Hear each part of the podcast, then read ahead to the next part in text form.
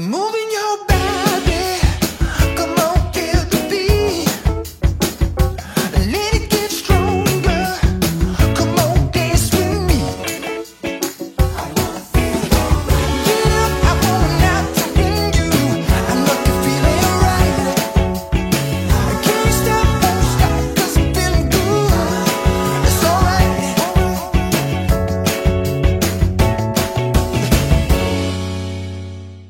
Dzień dobry, Katarzyna Urbańska. Witam w kolejnym odcinku programu Okiem Byłej Frankowiczki.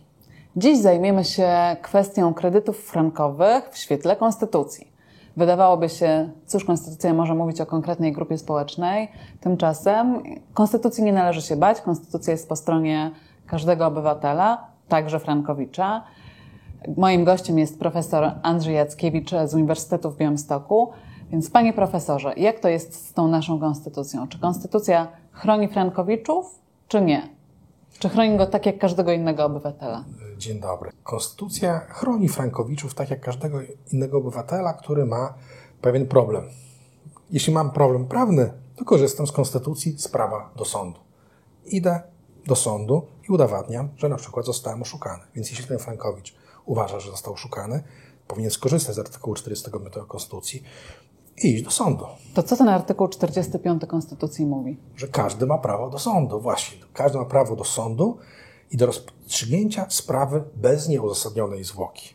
Więc jeśli jestem w sporze z bankiem, mogę iść do sądu, udowodnić swoje racje i liczyć na to, że sąd bez nieuzasadnionej zwłoki rozstrzygnie moją sprawę. Mhm. Dobra, to to jest ten ostatni etap tego naszego sporu e, z na przykład bankiem jako konsumenta Frankowicza.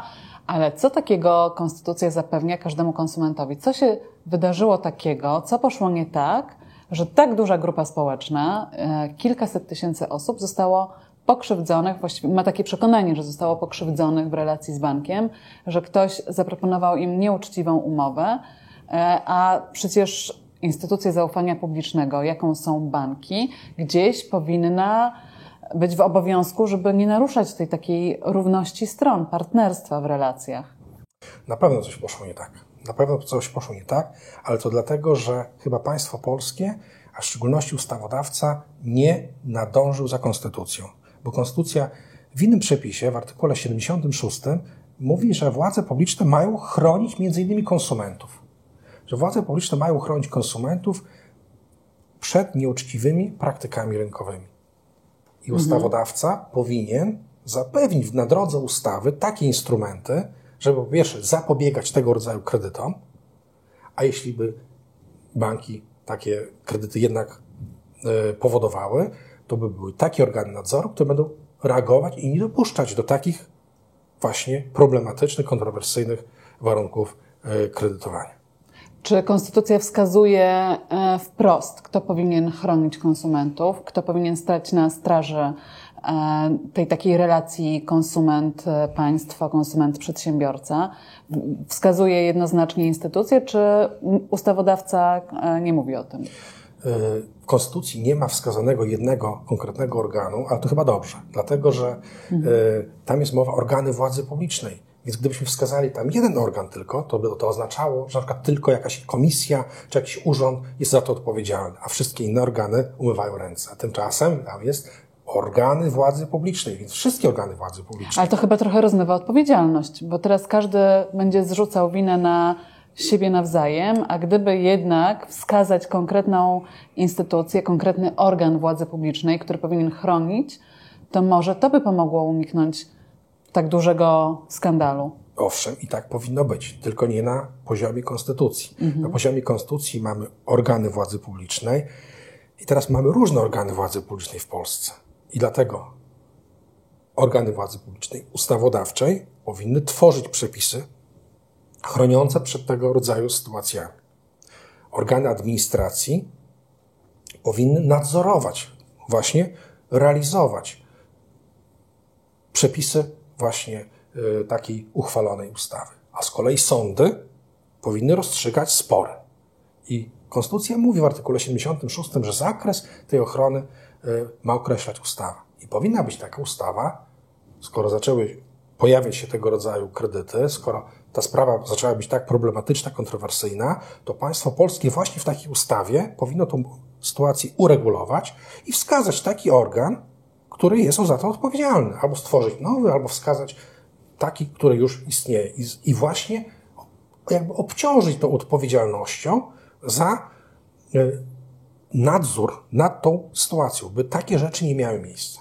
To czy ja mogę jako obywatel mieć pretensje do konstytucji czy do ustawodawcy, że nie zadbał o moje bezpieczeństwo, bo jednak w Stanach Zjednoczonych takie skandale są nie do pomyślenia. Unia Europejska i prawo europejskie wydaje się też lepiej chronić obywateli niż chroni nas e, polskie prawo. To winna jest konstytucja, czy winne są e, instytucje, ustawodawcy, którzy nie potrafią, mówiąc brzydko, kolokwialnie, dowieść tego, czego oczekiwałaby od nich konstytucja. Konstytucja jest bardzo dobra, konstytucja właśnie przewiduje problem, przewiduje tą y, tak by nierówność stron, tak? Ochrona konsumenta. Konsument to jest taka osoba, która uczestniczy w tej grze rynkowej, ale y, jest jakby z natury rzeczy stroną słabszą. Więc konstytucjodawca, ustrojodawca przewidział to. Zresztą przewidział. Ma patrzył na doświadczenia europejskie, amerykańskie, że tego konsumenta trzeba chronić. I wpisano właśnie do konstytucji, że władze publiczne mają tego konsumenta chronić. Więc konstytucja, moim zdaniem, jest w porządku. Nie w porządku są ci, którzy ją realizują.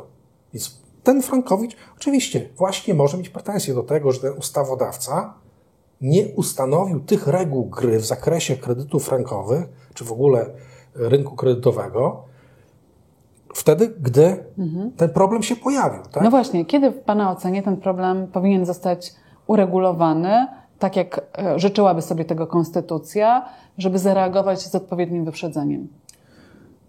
Konstytucja niestety dla Frankowiczów nie wskazała określonego terminu, że ta ustawa ma zostać wydana na przykład w ciągu dwóch lat. Tak?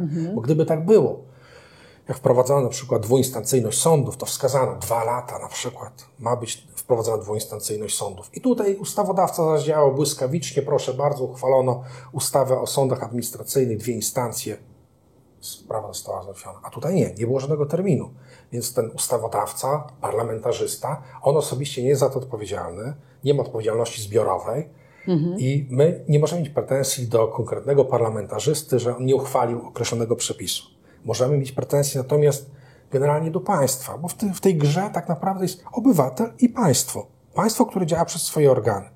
Czy to jest akurat Jan Kowalski, czy Piotr Nowak, to nie ma żadnego znaczenia. Ja mogę mieć pretensje do parlamentu Rzeczypospolitej, czyli do państwa polskiego, że w tym czasie nie uchwalono takich przepisów. Skoro pojawia się pewna praktyka y, banków, taka ryzykowna bardzo dla, dla konsumenta, to państwo, to jest rola państwa, żeby w takiej sytuacji y, reagować.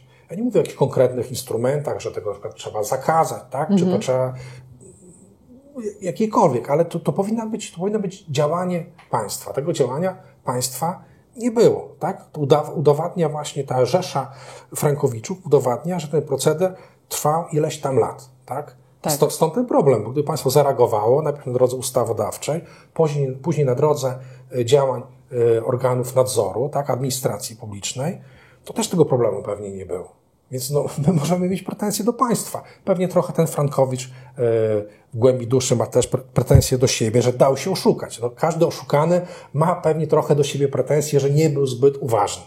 No właśnie, tylko z drugiej strony nie mógł przewidzieć tego, że ktoś zaproponuje mu coś tak nieuczciwego, że dopiero po tylu latach, widząc co się dzieje z jego życiem prywatnym, e, z jego sytuacją osobistą, dopiero wtedy podjął kroki, które dzisiaj są oceniane jako nie wiem, zmasowany atak e, Frankowiczów na sądy, a to nie jest atak, tylko to jest wykorzystanie konstytucyjnej gwarancji, którą każdemu obywatelowi daje prawo do sądu, prawda? Oczywiście, no każdy z tych Frankowiczów, który czuje się oszukany, powinien z tego korzystać. Jeśli ja czuję się oszukany, ja nie chcę być oszukany. Ja chcę po prostu tej właśnie sprawiedliwości. Chcę wymierzenia sprawiedliwości w tej sprawie. Konstytucja nie mówi, że ja mam rację, prawda? Czy Frankowicz ma rację, ale mówi, że ja mogę dochodzić swoich racji przed sądem. Więc jeśli uważam, że mam powody, mam argumenty, rzeczywiście zostałem oszukany, że w mojej umowie są te niedozwolone klauzule, czy z jakiegoś innego powodu zostałem wprowadzony w błąd, idźmy do sądu, udowodnijmy te racje. No właśnie, wracamy teraz do początku naszej rozmowy, czyli do tego prawa do sądu i tego, że sądy mają działać bez mm, zbędnej zwłoki, tak? Tak, bez nieuzasadnionej zwłoki i, każdy e, w jakiejkolwiek sprawie, nie tylko w sprawie Frankowiczów, może liczyć na to, po, powinien liczyć na to, że sąd jego sprawę rozstrzygnie w takim terminie, który, który jest adekwatny do danego rodzaju spraw. Nie będzie tej właśnie nieuzasadnionej zwłoki, bo zwłoka się może pojawić oczywiście, tak? Do tego się może mm, przyczynić nawet ten, kto pozywa, bo jest chory na przykład, z jakiegoś powodu zmienia y, swojego pełnomocnika, sprawa się przeciąga. No tak. Różne mogą być powody. I te, te powody mogą być uzasadnione, ale są też czasami powody właśnie nieuzasadnione. Jeżeli ten Frankowicz czy jakikolwiek inny e, obywatel, który idzie do sądu i w tej swojej sprawie nie może się doczekać tego wyroku, to może mieć właśnie wątpliwości co do tego, czy ta sprawa się zbyt długo nie ciągnie, I co może wtedy zrobić? Jak może wykorzystać kolejne swoje przywileje, kiedy ma poczucie, że właśnie sądy działają nie tak szybko i nie tak sprawnie, jak mógłby tego oczekiwać zgodnie z konstytucją? No przede wszystkim trzeba korzystać ze wszystkich środków procesowych, y, które wynikają z danej procedury, procedury cywilnej w tym przypadku, wpływać na sąd wnios- swoimi wnioskami procesowymi, e, by odwiecił postępowanie, przekonywać, że nie ma powodów na przykład do zawieszenia postępowania. Jeśli my w naszej procedurze e, cywilnej e, jednak tej sprawiedliwości nie odnajdziemy, tak, to ostatecznie możemy skarżyć państwo polskie do Europejskiego Trybunału Praw Człowieka właśnie za naruszenie naszego prawa do sądu. Europejski Trybunał Praw Człowieka stoi na straży Europejskiej Konwencji Praw Człowieka. Tam w artykule 6 jest właśnie prawo do sądu. Jeśli y, państwo polskie nie jest w stanie zapewnić właśnie tego rozstrzygnięcia w tym rozsądnym terminie, czy bez nieuzasadnionej zwłoki, no to możemy się domagać od państwa polskiego odszkodowania. I to jest odszkodowanie za zadośćuczynienie finansowe, które ma wyrównać nam straty, które w ocenie Europejskiego Trybunału Praw Człowieka będą nam e, Rekom- rekompensować szkody, które ponieśliśmy. Tak, tak. Więc e, Polacy zresztą e, od długiego czasu, e, od 20 lat powiedzmy z okładem, e, takie e, pozwy składają i bardzo często wygrywają. Oczywiście trzeba wykazać, że myśmy ponieśli szkodę, tak? To, to nie są takie tylko wnioski, e, skargi na zasadzie takiego swojego poczucia, bo mi się wydaje, że zostałem pokrzywdzony, tak? To No, trzeba oczywiście udowodnić, uzasadnić, tak. ale to jest rzeczywiście kolejna jakby taka furtka szukania sprawiedliwości, tak? Że nie jesteśmy skazani tylko na polski wymiar sprawiedliwości, ale mamy jeszcze kogoś z zewnątrz, tak? Kto oceni naszą relację z państwem. Do tej pory, nie było e, tej takiej sprawiedliwości międzynarodowej, czy powiedzmy Europejskiego Trybunału Praw Człowieka w tym przypadku, to my byliśmy skazani tylko na relacje obywatel i moje państwo. Tak? Jeśli moje państwo, sądy y, tak orzekają w mojej sprawie, czy nie orzekają w ogóle, to ja za bardzo wcześniej nie miałem możliwości komu się poskarżyć, a teraz mam taką możliwość, prawda? Czy Europejski Trybunał Praw Człowieka, czy czasami Trybunał Sprawiedliwości Unii Europejskiej w specyficznych sytuacjach. Więc możemy skarżyć także swoje państwo. Co powinien zrobić Frankowicz, który czuje się pokrzywdzony, który jeszcze nie złożył sprawy w sądzie, jeszcze nie ma tej drogi sądowej rozpoczętej, ale czuje się oszukany? Jak ja się czuję oszukany z jakiegokolwiek powodu, to dążę do tego, żeby ten stan zmienić, tak? No to jako konstytucjonalista nie mogę powiedzieć nic innego. Jak ktoś się czuje oszukany, niech skorzysta z tego, co mu oferuje konstytucja, czyli właśnie z tego prawa do sądu. Nie czekać kolejny raz na ustawodawcę, który obieca, nie obieca, zrealizuje obietnicę rozwiązania problemu Frankowiczów, tylko zaufać konstytucji, która jest jednak nadrzędnym dokumentem. Rzeczywistość pokazuje, że yy, nie zawsze możemy liczyć na tego ustawodawcę. Nie zawsze musimy też oczekiwać yy, jakichś rozwiązań, yy, o których sobie gdzieś tam być może myślimy, wymarzyliśmy, że ktoś nagle nam tak z, pułapu takiego generalnego pomoże i rozwiąże takim mieczem gordyjskim ten, yy, mieczem ten węzeł gordyjski yy, nam przetnie. To, to, to wydaje mi się, że nie ma co czekać.